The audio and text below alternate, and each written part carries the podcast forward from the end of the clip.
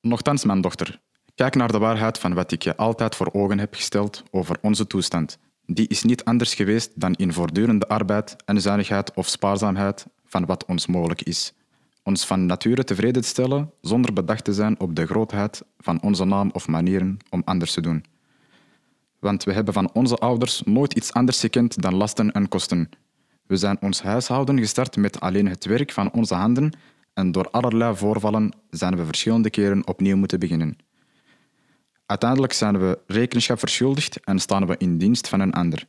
Dat zijn we nog altijd in grotere mate dan je denkt.